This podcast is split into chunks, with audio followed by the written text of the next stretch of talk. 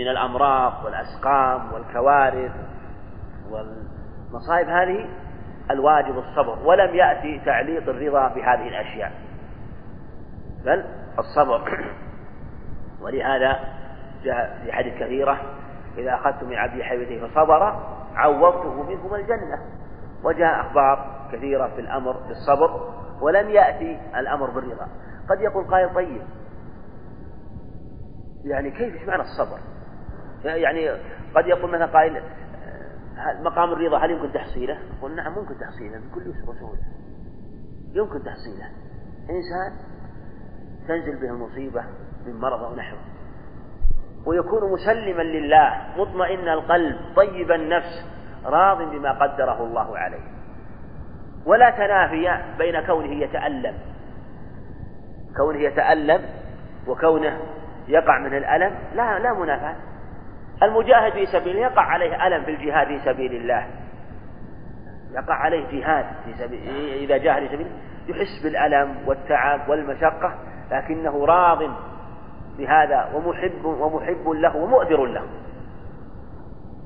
وما يقع منه من التألم أو ذكر ما يقع منه هذا لا ينافي ولهذا شكى النبي عليه الصلاة والسلام وهو من هو؟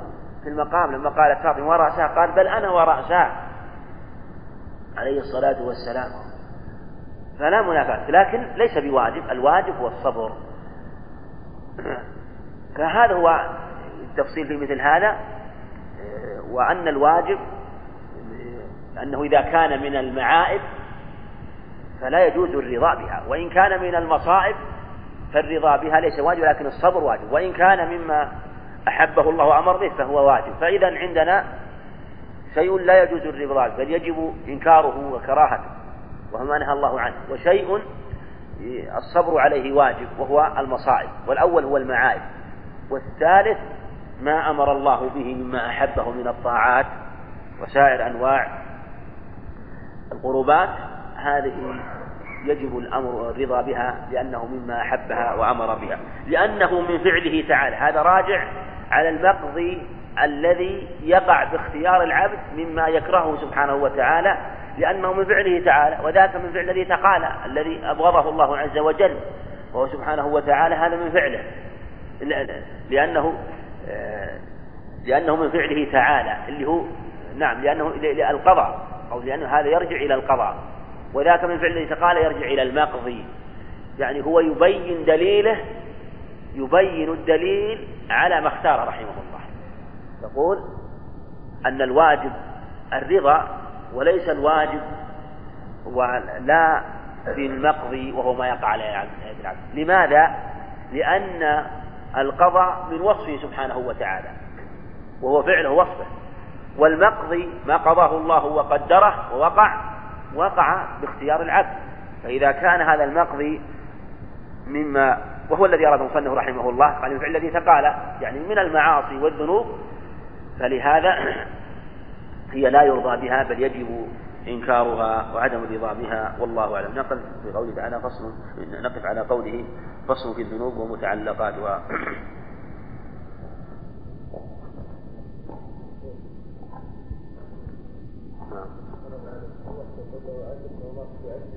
ها؟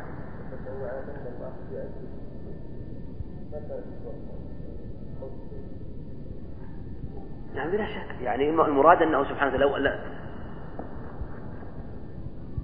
لو يؤاخذ الله الناس بظلم ما ترك على ظهرها من دابة. أقول لو يؤاخذهم بما فعلوا وبما واقترفوا وبما لما ترك على عالم يعني لعاجلهم بالعقاب المراد لعاجلهم بالعقاب. إذا أراد هذا مما يقع منهم من الذنوب والمعاصي كان المعنى صحيح. وإلا سبحانه وتعالى يعني له الفضل مع عباده المؤمنين وعدله مع غيرهم ممن عصاه من من الكفرة. فعمل مقتضى عدله سبحانه وتعالى. نعم. لا يضاف الشر عليه سبحانه وتعالى إلا بإحدى الصيغ على سبيل الإضافة العامة. الله خالق كل شيء. الله خالق كل شيء. أو إضافة إلى السبب. يضاف إليه الشر يضاف إليه سبحانه وتعالى بأحد ثلاثة وجوه. الوجه الأول الإضافة العامة. الله خالق كل شيء. الإضافة الثانية إضافة إلى السبب. من شر ما خلق. قل أعوذ برب الفلق. من شر ما خلق. أضفته إلى السبب الذي خلقه سبحانه وتعالى. الإضافة الثالث أن أن يضاف إليه بصيغة البناء المجهول. وأنا لا ندري أشر أريد من الأرض أم أراد بهم ربهم رشدا. وقال إبراهيم وإذا مرضت فهو يشفين. وقال سبحانه وتعالى غير المغضوب عليهم. قال غير الذين غير المغضوب عليهم. فالإضافة للشر بهذه الوجوه الثلاثة لا بأس بها. نعم. الإضافة العامة الكلية. يعني الله خالق كل شيء خالق كل شيء. مما يقع في الكون هو أضافه سبحانه وتعالى إلى نفسه. ويقع مما يقع في الكون من جميع من الشرور والخيرات. هو خالقه سبحانه وتعالى. إضافة عامة لا تفصيل.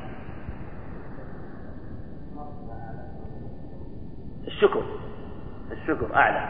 الشكر هذه مرتبة عالية. كون يشكر الله وقال ولهذا وقليل من عبادي الشكور قال اعملوا آل داود شكرا.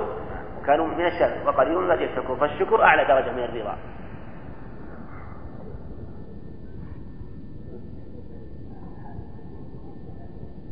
لا ما يكون في نفسه. وفي قلبه من الرضا بما وقع. وإن تعلم وإن وقع من ألم. لكن راض بهذا. بلا شك؟ اكتسب أقول تكتسب هذه الأشياء. مثل ما يكتسب يكتسب محبة الأعمال الصالحة ومحبة الأخلاق. مثل ما قالوا فيه أنه يكتسب أخلاق. فقال كل كل قيد تخلقت بهما أو جبلت عليهما. قال بل جبلت عليه يدل على أن الأخلاق تكتسب ولهذا قرر عليه الصلاة والسلام.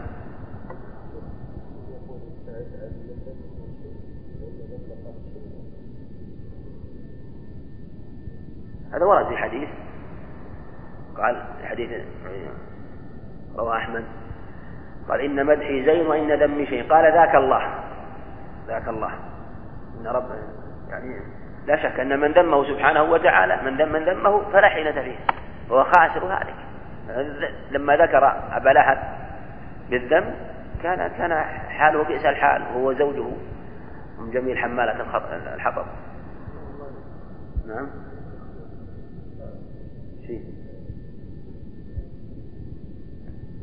في حي حي حي مسلمة الزهري. إيه ذكرنا أن الشاهد أن الشاهد من حديث عبادة بن الصامت.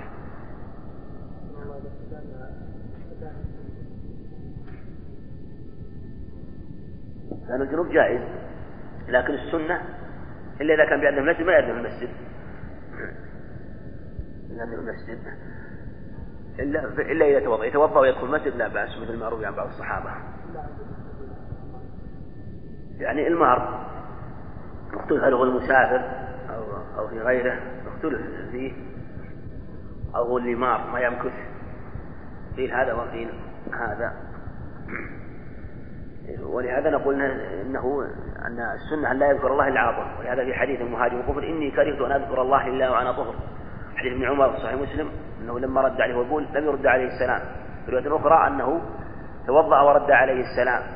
في حديث أبي الجهم لما أنه تيمم عليه الصلاة والسلام من جدار في الاخرى دل على أنه يسن لمن أراد أن يذكر الله ولهذا لما أراد السلام توضأ. في الرواية الثانية أنه سلم وقال إذا رأيت على مثل هذا. لا تسلم عليه؟ فإني لا أرد عليك فإني لا أرد عليك فإذا كان السلام بشرع رد على طهر بل أخر عليه الصلاة والسلام الرد حتى تطهر. بإمكانه أن يرد عليه السلام ذلك لكن حتى توضأ ثم رد عليه السلام.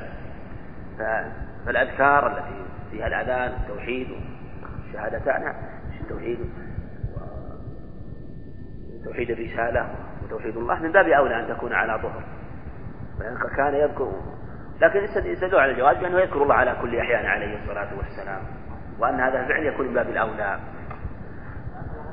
ها؟ ها؟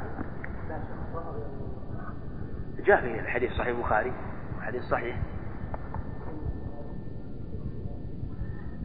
مثل ما قال لا شخص أغير من الله يعني بعضهم فسره بالشخوص والظهور. لكن ظاهره أقول أنه من صفاته سبحانه وتعالى. فصل في الذنوب ومتعلقاتها. ويفسق المذنب بالكبيرة. كذا إذا أصر بالصغيرة. يفسق المذنب بالكبيرة. وهذا بلا خلاف في إثبات مسمى الفسق لمن أتى كبيرة من كبائر الذنوب. والفسق معناه لغة الخروج. وذلك أن الفسق نوع خروج عن الجادة وعن الطريق المستقيم. ومنه كما قالوا فسقت التمرة إذا خرجت من قشرها وسميت الفأرة فويسقة لفسقها ولأنها خرجت عن شأن الدواب في شرها وأذاها. فيفسق المذنب والذنب المعصية المعصية والإثم والجرم كلها ألفاظ مترادفة. لكن قيده بالكبيرة لأن الذنب قد يكون كبيرة وقد يكون صغيرة. فيفهم أنه لا يفسق بالصغيرة إنما الفسق يكون بالكبيرة. كما قال سبحانه والذين يرمون المحصنات ثم لم يأتوا بأربعة شهداء فاجلدهم ثمانية جلدة ولا تقبلوا لهم شهادة أبدا وأولئك هم الفاسقون. فدل على إثبات الفسق لمن أتى مثل هذه الذنوب الكبائر. وفيه دلالة على أنه يكون وصف الفسق له ولا يكون كافرا بذلك كما سيأتي. والكبيرة هي الذنوب الكبار. وهي درجات منها ما هي من الموبقات ومنها ما هي ما هو أقل. ولهذا جاء في حديث تنبوا السبع الموبقات وصفها بالموبقات مع أن هنالك نوع من بعض الكبائر من الذنوب لكن ليست كهذه الذنوب الكبيرة والموبقة المهلكة. والكبيرة اختلف فيها اختلاف كثير وفي حدها وكذلك في حد الصغيرة.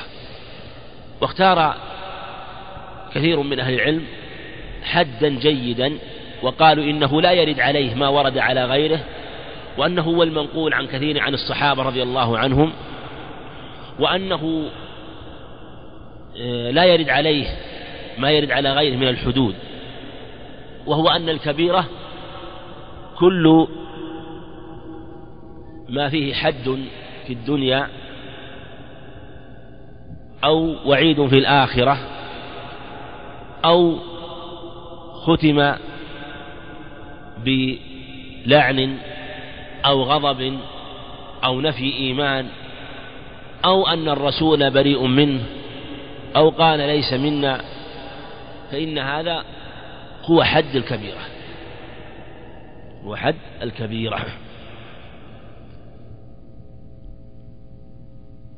نعم هو ما كان فيه حد في الدنيا أو وعيد في الآخرة. يعني وعيد خاص المراد المراد وعيد خاص. بنفي إيمان أو غضب أو لعنة أو تبري تبرأ الرسول منه. قال أنا بريء قال أنا بريء من الصالقة والحالقة والشاقة. أو قال ليس منا. فهذا هو حد الكبيرة. الصغيرة ما كان بين الحدين. ما كان بين حدين حدي الدنيا والآخرة يعني ما لم يبلغ هذا ولا هذا. فكله ما كان ما كان دون ذلك فهو من الصغائر. فهذه هي الكبيرة. والصواب أن الكبائر لا تحصر بعدد معين. اختلف العلماء في هذا لكن كل ما جاء من الذنوب بهذا القيد فإنه كبيرة. وبعض العلماء قسمها وذكر لها أنواعا وابن حجر بلغها نحو إلى 467 كبيرة. والذهبي ذكر نحو سبعين كبيرة واختلفوا في هذا اختلاف كثير. لكن كل ما كان بهذا القيد فإنه يكون كبيرة كذا كذلك يعني من الكبائر إذا أصر يعني عزم وداوم على الصغيرة. الصغيرة تكون كبيرة بالإصرار وهذا هو قول جماهير أهل العلم. وقال آخرون إن الصغيرة الصغيرة مطلقا. لكن هذا منقول عن عن ابن عباس وجاء موقوفا ومرفوعا. والصواب أنه مرفوع ضعيف لكن جاء موقوف.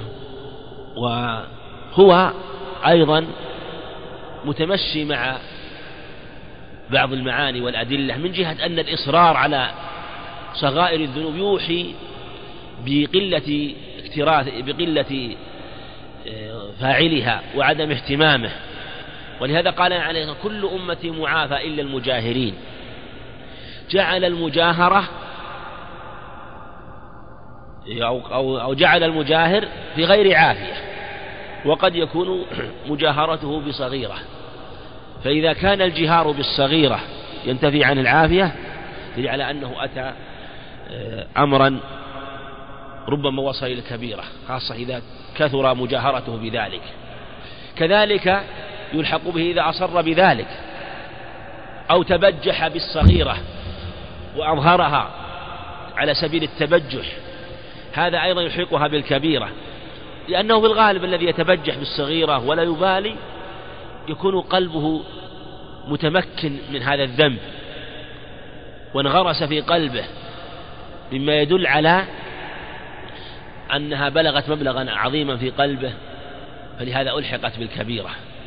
والعلماء يقولون إن الذنب ربما حفه وألحقه ربما حفه وأحاط به من الاستحياء والخجل ما يلحقه بالصغائر وإن كان من الكبائر. وربما كانت الصغيرة كما سبق ملحقة بالكبيرة إذا كان صاحبها مجاهرا غير مكترث وغير مبالي. ولهذا قال بعض العلماء هي الذنب الذي يؤذن فاعله بقلة اكتراثه وقلة ديانته. وهذا اختاره بعض محقق الشافعية وهذا يدخل في حد الصغيرة. فلهذا قالوا إن الإصراع الصغير يكون آه، ملحقا بالكبيرة.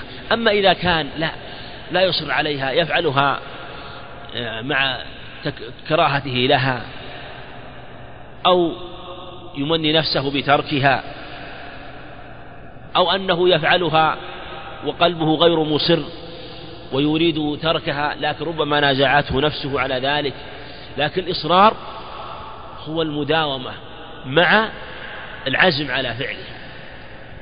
فلهذا قال المصنف كذا إذا أصر بالصغيرة. لا يخرج المرء يعني الإنسان المكلف من الرجال والنساء من الإيمان. يعني من أصل الإيمان. لا يخرج. بل لا بد أن يكون معه أصل الإيمان وإن اقترف هذه الذنوب بموبقات الذنب والعصيان. يعني أنها أن موبقات يعني المهلكات الذنب والعصيان من الكبائر لا تخرجه من الإيمان. لكن ليس له وصف الإيمان الذي مدح الله به أهل الإيمان ولا يكون خارجا من الإيمان بالكلية بل معه أصل الإيمان ومطلق الإيمان فهو مؤمن بإيمانه كما يقول بعضهم فاسق بكبيرته مؤمن بإيمانه فاسق بكبيرته.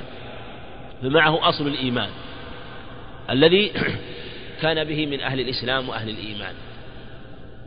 وهو فاسق لوجود هذا الذنب ويجتمع في عند أهل السنة وإجماعهم الإيمان والمعصية. يكون مؤمنا بإيمانه فاسقا بكبيرته بموبقات الذنب وقيد الذنب بالموبقات حتى لا يدخل في ذلك الصغائر يعني الذنوب الكبائر. وكذلك العصيان. وواجب عليه لما ذكر الذنوب الكبائر وحكمها وكذلك الصغائر ذكر ما يجب عليه. فعلمنا أن الذنوب على هذا ثلاثة أنواع. صغيرة وصغيرة لم يصر عليها وصغيرة أصر عليها وكبيرة. فنوعان هما من الكبائر الصغيرة أصر عليها والكبيرة الكبيرة بمفردها يعني ولو كان فعل مرة واحدة ولم يتب منها. أما الصغيرة فإنها لا تثبت مسمى الفسق. وواجب عليه يجب عليه واجب عليه أن يتوب من كل ما جر عليه حوبا لأن التوبة واجب يجمع العلم. وأمر الله بها وحث عليه. وتوبوا إلى الله جميع إلى الله جميعا. أيها المؤمنون لعلكم تفلحون. فيجب عليه التوبة بإجماع أهل العلم من جميع الذنوب. ولهذا قال مصنف من كل ما جر عليه واجب عليه أن يتوب. الألف هنا الإطلاق لأجل الروي. التوبة هي الرجوع في اللغة. من كل ما جر عليه حوبا. يعني من جميع الذنوب صغيرها وكبيرها. والتوبة تحصل بالندم. هذا هو ركنها الأعظم. قال عليه الصلاة والسلام حديث الله مسعود عند أحمد بن ماجه الندم توبة. وأمر الله بالتوبة. وهي الرجوع إلى الحال الحسنة. وأن يؤوب إلى حاله الطيبة ويرجع عن معصيته. من كل ما جر عليه حوبا. وذكر جمهور علماء إلى أن لها شروطا. والمشهور في شروطها أن لها شروطا ثلاثة. الإقلاع حالا عن الذنب. والندم عما مضى. والعزم في المستقبل على أن لا يعود. فله حال فله فلها ركن في الحال فلها فأركانها ثلاثة. إقلاع في الحال ندم على الماضي عزم في المستقبل. عزم في المستقبل. هذه أركان وذكر بعض العلماء من الشراح والمتأخرين من من شراح البخاري وغيره ذكروا شروطا أخرى منها أن لا تقع عند الغررة وبعضهم ذكر أن تكون قبل غروب الشمس من طلوع الشمس غروبها وكذلك بعضهم ذكر شرطا ألا يعود فيه. وهذه عند الجمهور ليست من شروطها وليست إنما شروطها هذه الثلاثة. بل الأظهر عند جمع العلم أن ركنها الأعظم هو ركن الواحد بس وهو الندم. أن ركنها الأعظم هو ركن الندم. وما سواه من مستلزماتها وليس من أركانها. من مستلزماتها ولهذا قال عليه الصلاة والسلام الندم توبة. الندم توبة. فإذا حصل الندم حصلت التوبة. مثل قوله الحج عرفة. وركنه الأعظم. فركنها الأعظم والأكمل هو الندم. ويلزم على الندم الإقلاع. ويلزم عليه العزم على العزم أن لا يعود. والعزم أن لا يعود. أما إرجاع الحق إلى غيره فهذا أمر متعلق بالغير متعلق بالغير أما التوبة عند الغررة فهي في الحقيقة خارج عن حد التكليف. والتوبة عند طلوع الشمس المغربية خارج عن حد التكليف ليس هنالك تكليف في هذه الحال انتهى الأمر.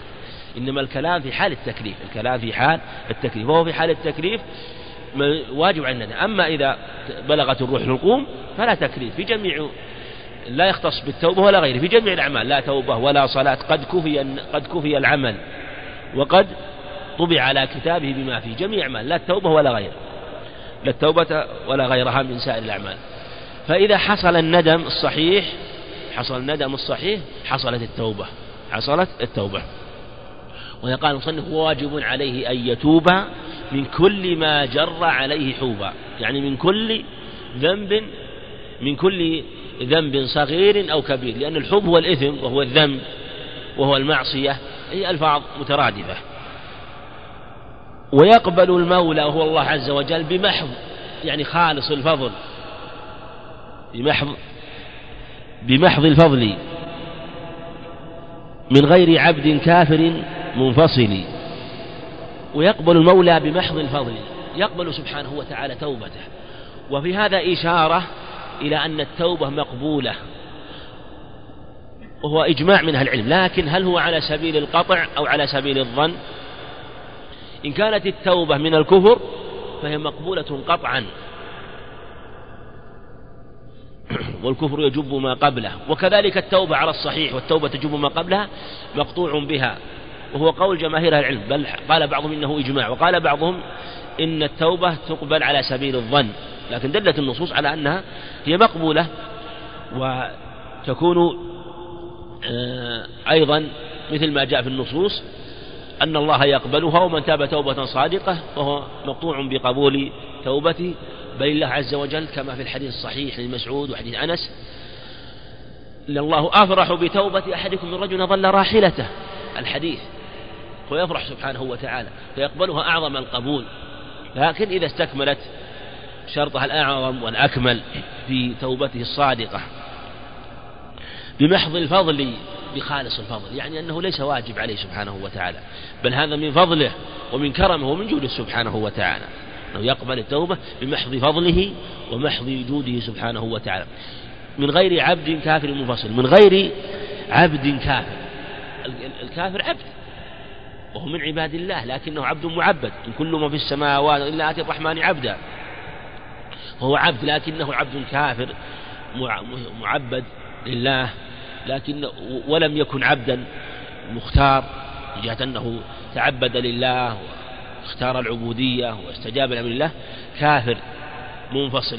الكافر لا تقبل توبته. لو أنه أراد الكافر أن يتوب يقول تبت من هذا الذنب لا لا تقبل توبته. حتى يأتي بشرطها وهو الإيمان. منفصل هذا هذا منفصل. مبتوت مقطوع من الإيمان والإسلام. فلا صلة له بالإسلام والإيمان. حتى توصل توبته فتوبته مفصولة لانفصال لانفصال لانفصاله عن الإسلام وعن أهل الإسلام. فإذا آمن فإن الإسلام, الإسلام والإيمان يجب آه، ما قبله. كما قال قل للذين كفروا إن ينتهوا يغفر لهم ما قد سلف ما قد سلف من جميع الذنوب والمعاصي. ما لم يتب كما هذا هو؟ ما لم يتب. من كفره من شرط قبول التوبة أن يتوب من كفره. فإذا تاب فإنه يغفر له. من كفره بضده بضده ضد الكفر وهو الإسلام بأن يسلم. فيرجع فيرتجع عن شركه وصده. فلا بد من الرجوع من الشرك بالإشراك بالله عز وجل. وهذا زيادة إيضاح. المصنف وصده وصده عن سبيل الله. وإلا فلا يقبل منه توبته من الذنوب يتوب منها لفقد شرط الإسلام. آه، بل لا بد من آه، الإسلام حتى يقبل منه. ولهذا لا تقبل أعماله. لو أراد أن يعمل أن يصلي أو أن يصوم أو أن يعمل شرطها مفقود. شرطها مفقود. إلا ما جاء من الأعمال التي يعملها مما يوفيه الله إياها في الحياة الدنيا من صحة وسعة في رزق.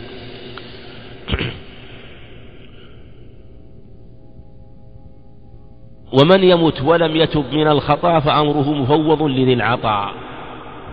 من مات من المسلمين ولم يتب من الذنب فأمره مفوض لذي العطاء. ومن يمت ومن لم يتب من الخطأ فأمره مفوض لذي العطاء. لله عز وجل.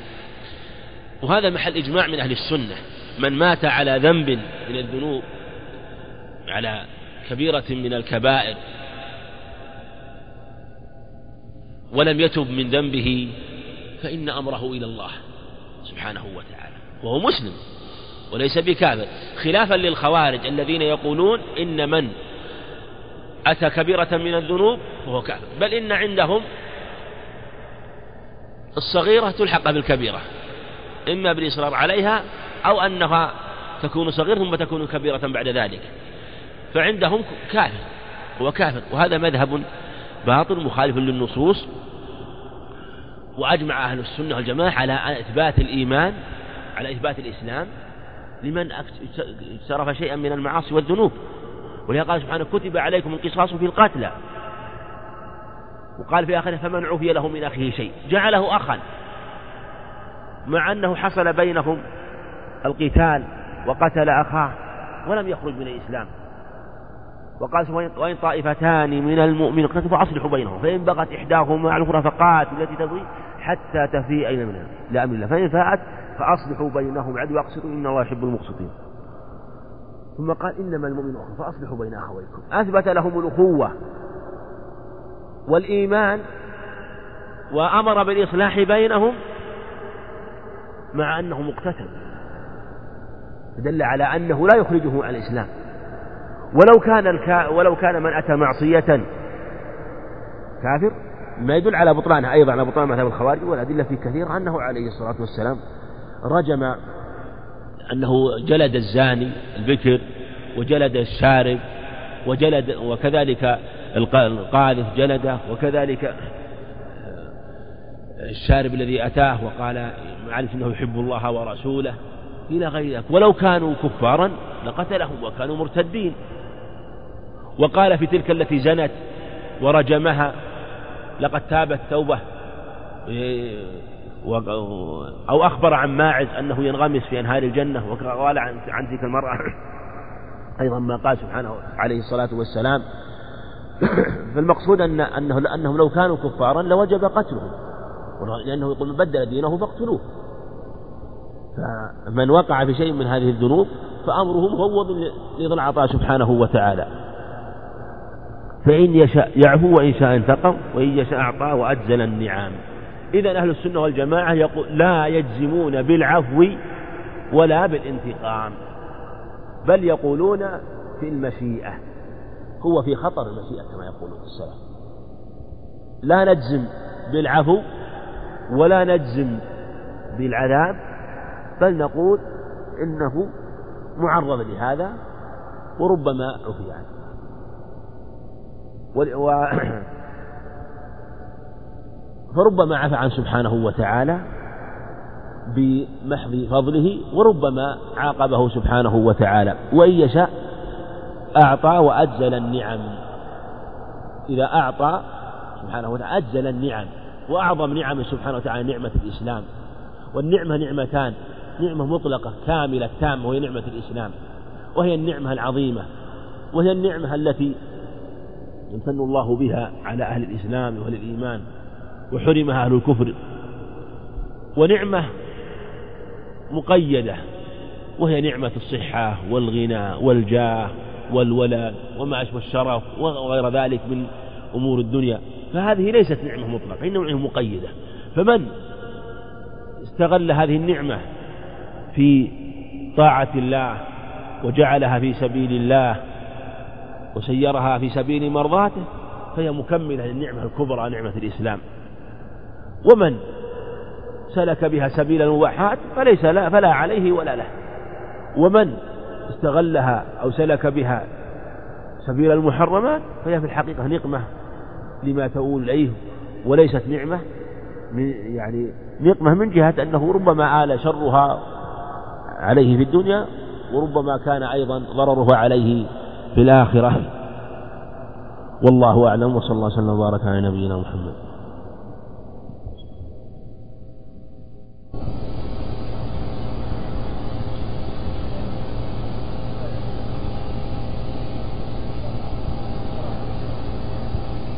الكبائر أن الإسراء هي كبيرة لكن إذا أصر عليها تكون أعظم. الكبائر أقول مختلفة مراتبها. ولهذا جاء في الحديث من أكبر الكبائر وجاء في حديث أبي هريرة اجتنبوا السبع الموبقات.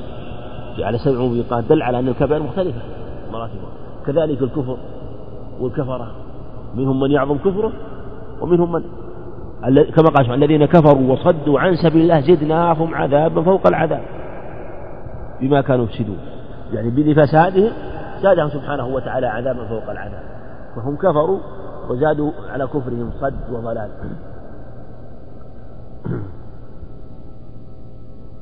وقال سبحانه إن الذين كفروا ينفقون أموالهم ليصدوا عن سبيل الله فسينفقون ثم تكون عليهم حسرة. أيضا ينفقونها في سبيل الله. زيادة على كفرهم أنفقوا هذا المال في آه، الصد عن سبيل الله. فكفرهم أعظم. من كفر غيره. وهكذا المعصية أيضا. والكبائر تختلف درجاتها.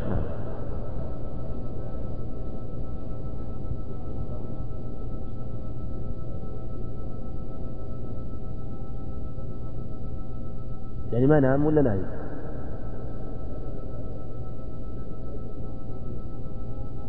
نايم؟ أقول متناقض نايم؟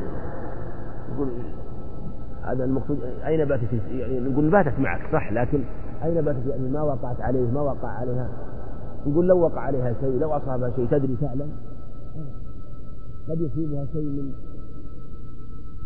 لو ربطها في شيء لو ربطها في شيء يمكن مثل ما قال بعض أهل العلم قد قد يكون للأرواح الخبيثة أثر لانها مات قد يكون اناس من الشياطين ممن بات عليه في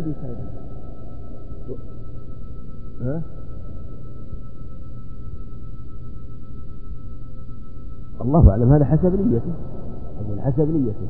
إذا كان قصد الاعتراض هذا نوع استهزاء. هذا ردة إذا قصد. قال أنا أدري. فإن قال أنا أدري قصد مناقضة قول النبي. أما أما إذا كان لا أنه يقول أنا أستطيع أن أحفظها. وبعض الناس قد لا يدري لكن أنا أستطيع أن أحفظها بأن أضعها في شيء وأربطها في شيء أو قصد ذلك والرسول عليه الصلاة والسلام أراد يعني لا يدري ماذا أصابت هذا لا بأس من تأول تأويلا مقبولا قبل لكن ينبغي أن لا يعترف بالشيء موهم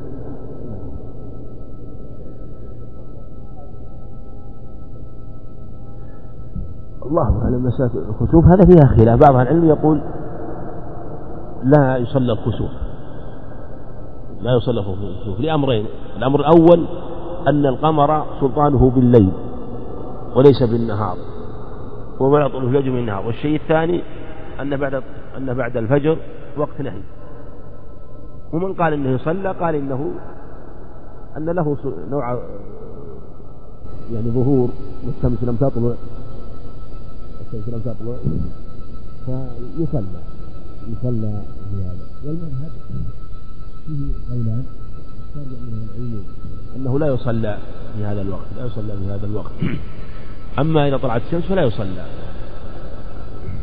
أما قبل ذلك هذا محتمل الله أعلم. لكن إن كان لا يرى أو يقال لا يتضح فلا يصلى. إذا كان لا تتضح رؤيته وهو واضح فهذا لا يصلى. أما إذا كان يعني رؤيته واضحة ويرى وبين فيصلى. أما إذا كان خفي وقد تكون الرؤية ليست واضحة فالأمر لا يصلى فهو معلق بالرؤية معلق بالرؤية ولهذا الهلال من رمضان لا تثبت إلا برؤيته واستهلاله وظهوره.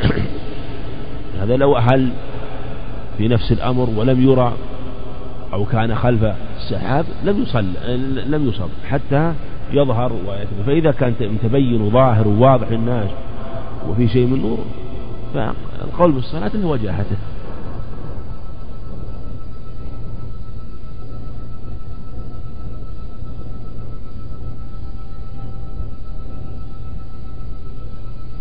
لا لا ما لا يجب ينظر أصلح حسب ما عنده.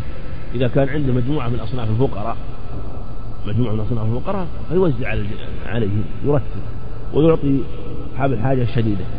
ما يلزم أنه يوزع ويقسم يجعل هذا إذا بقسم على ثمانية أصناف أو عندي أربعة أصناف لا.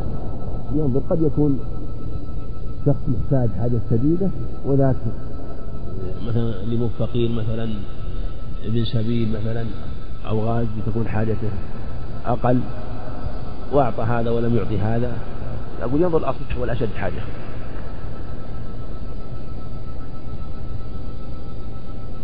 كافل إيه.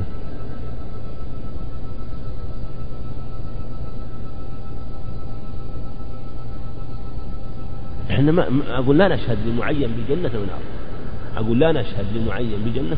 مثل مسلم إذا مات مسلم تشهد له بالجنة وما تشهد بالجنة. فإذا كنت لا تشهد بالجنة كذلك لا نشهد. بالكافر إلا من شهد الله له وحكم عليه بوجود فرعون وهامان وقارون وأبو لهب وأبو جهل عليهم لعائن الله المتتابعة. هؤلاء ولهذا الصواب أن من شهد له بالنار جازت لعنته ومن لم يشهد له بالنار فلا يلعن. هذا هو الصواب مسألة الكافر في المعين. لا في الشهادة بالنار ولا في اللعن. فنقول إن هذا ما يشهد له لأنك ما تدري ماذا ختم له ما تدري. لكن نحكم نعامل مقتضى الكافر حكم الكافر في في موته. لا نصلي عليه ولا يرثه أقاربه المسلمون. حكم حكم الكافر في الدنيا. أما في الآخرة الله أعلم. لا نشهد ولا نقطع. هذا حكم على الغيب. قد يكون في آخر لحظة أسلم أو دخل ما ندري عنه. الله أعلم.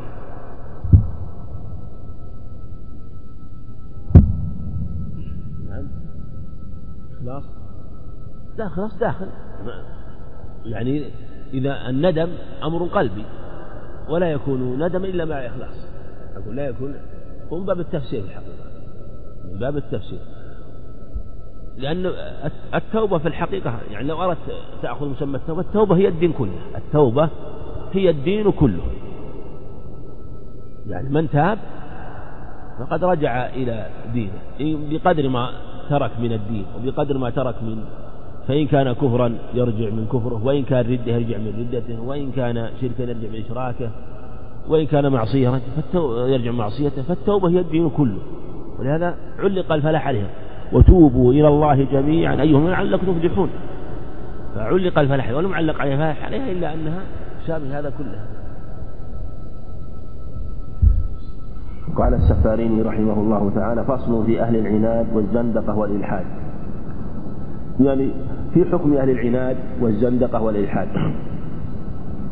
وقيل في الدروز والزنادقة وسائر الطوائف المنافقة. الدروز فرقة من فرق الباطنية. نسبة إلى رجل يقال درزي أو درزي الدرزية أو الدرزية وهي عقيدة باطلة وهم من غلاة الباطنية ويوجد أناس منهم في بلاد الشام في الجولان وفي جبل لبنان وفي مناطق أخرى. وهي وهم كفرة بإجماع أهل العلم بل إنهم أكثر من اليهود والنصارى. هم من أعظم الناس غلو في إبطال الشريعة. وصنف فيهم كتب وألفت مصنفات في عقائدهم وعندهم من الغرائب. والعجائب الشيء العظيم يدل على أنهم والعياذ بالله يريدون محو الشريعة وإبطال الدين. وأنهم من أعظم الزنادقة. والزنادقة الزنادقة جمع زنديق. والزنديق قال بعض العلم انه اصطلاح مولد وأنه لا يعرف إلا المنافق. وقال بعضهم من أصل عربي. والزنديق هو من يبطن الكفر ويظهر الإسلام وهو المنافق في صدر الإسلام يعرفون بالمنافقين. وسائر الطوائف المنافقة. كل الطوائف المنافقة أيضا الذين يظهرون الإسلام ويبطنون الكفر. وكل داع لابتداع يقتل كمن تكرر نكثه لا يقبل أيضا هؤلاء فهؤلاء الطوائف الدروز والزنادقة ومن أشبههم هؤلاء. مرتدون بإجماع العلم. وردتهم مغلظة. فيجب قتلهم. إلا من تاب توبة صادقة كما سيأتي في كلام مصنف في آخر الفصل أن من ظهر من ظهر صدقه وبان يقينه بعلامات ودلائل يقبل منه. وكل داع لابتداع يقتل. هذا في الداعي إلى الضلالة. وكلام مصنف رحمه الله عام في كونه كافر أو غير كافر. فكل داع يحصل بدعوته ضلال يقتل لأن قتله من باب إزالة الفساد والشر من الأرض. ولا يلزم من قتله أنه كافر. فقد يكون الداعي للبدعة غير كافر بحسب بدعته وقد يكون كافرا. وفي هذا تفصيل لأهل العلم في هذه المسائل واختلاف في مسألة آه، من يكفر منهم واختلاف كثير في أهل البدع. لا شك أن من غلظت بدعته حتى صار ما خالف فيه من الأمور التي لا يقبل فيها تأويله ولا يظهر له فيها العذر ومن مثله يظهر ويتبين أنه في الباطن عند التحقيق منافق أن هذا كافر. ويلزم قتله. ومن كان تلبس عليه الأمر أو أن بدعته تحتمل ذلك فهذا إذا كان داعية ولم يرتدع ولم يرجع فيجب قتله وقد يكون آه، في الباطن زنديقا وقد يكون غير كافر بحسب ما يظهر من بدعته لأن البدعة قد تكون آه، مكفرة وقد تكون غير مكفرة. وقال بعضهم كل بدعة فسقنا صاحبها كفرنا من دعا إليها وذهب إليه المجد رحمه الله. كمن تكرر نكته لا يقبل. هذا أيضا ممن يقتل أيضا مع الدروز والزنادقة وسائر الطوائف المنافقة وكل من دعا إلى ضلالة أيضا من تكرر نكته. دعي إلى الإيمان الإسلام فأسلم وتاب ثم رجع ثم أسلم ثم رجع. هذا لا يقبل منه. لو أظهر الإسلام بعد ذلك وتكرر منه لا يقبل. لأنه آمن ثم كفر. كما قال إن الذين آمنوا ثم كفروا ثم آمنوا ثم ثم كفروا ثم زادوا كفرا لم يكن له ليغفر لهم ولا يهديهم سبيلا. في قوله إن الذين كفروا بعد إيمانهم ثم ازدادوا كفرا. فازداد كفرا واستمر يعني على كفره حتى الممات؟ أو استمر على كفره ولم يظهر منه توبة صادقة؟ أما التوبة المدعاة التي يظهرها بلسانه هذه لا تقبل لأنها تكرر نقصه ومن تكرر نقصه لا يقبل منه ذلك بل يجب قتله. وسيأتي أنه لو فرض أنه في الباطن توبة الصادقة فهو عند الله مقبول التوبة. لكن فيما يظهر لنا أن توبته باطلة لتكرر نكته لأنه لم يبدي يعني هذا الذي تكرر نكته من إيمانه إلا الذي أذاع من لسانه. ما ظهر لنا من صدق إيمانه ما يبين تحقيق مقاله بقوله بل إنه يظهر من لسانه أنه مرتد وكافر وأنه يظهر. الإسلام تقية وهو في الباطن يبطن الكفر. فهذا لا تقبل توبته. وهذا هو الصواب في هذه المسألة وسيأتي زيادة الكلام عليه في آخر كلام المصنف رحمه الله. أنه إذا تغلظت ردته بكثرة نكفه فإنه لا تقبل توبته بل يجب قتله وهو عند الله بما أقدم عليه في بعض. كان صادقا قبلت توبته. كملحد الإلحاد وهو الميل عن الدين لزائر الملاحدة الذين يرونون إبطال الشريعة وإنكار الدين وساحر وساحرة. كذلك الساحر والساحرة. واختلف العلماء في الساحر والساحرة. هل يكفر أو لا يكفر؟ فذهب بعضهم إلى أنه يكفر. كما يقول تعالى إنما نحن فتنة إنما نحن فتنة فلا تكفر. وما كفر سليمان ولكن الشياطين كفروا يعلمون الناس السحر.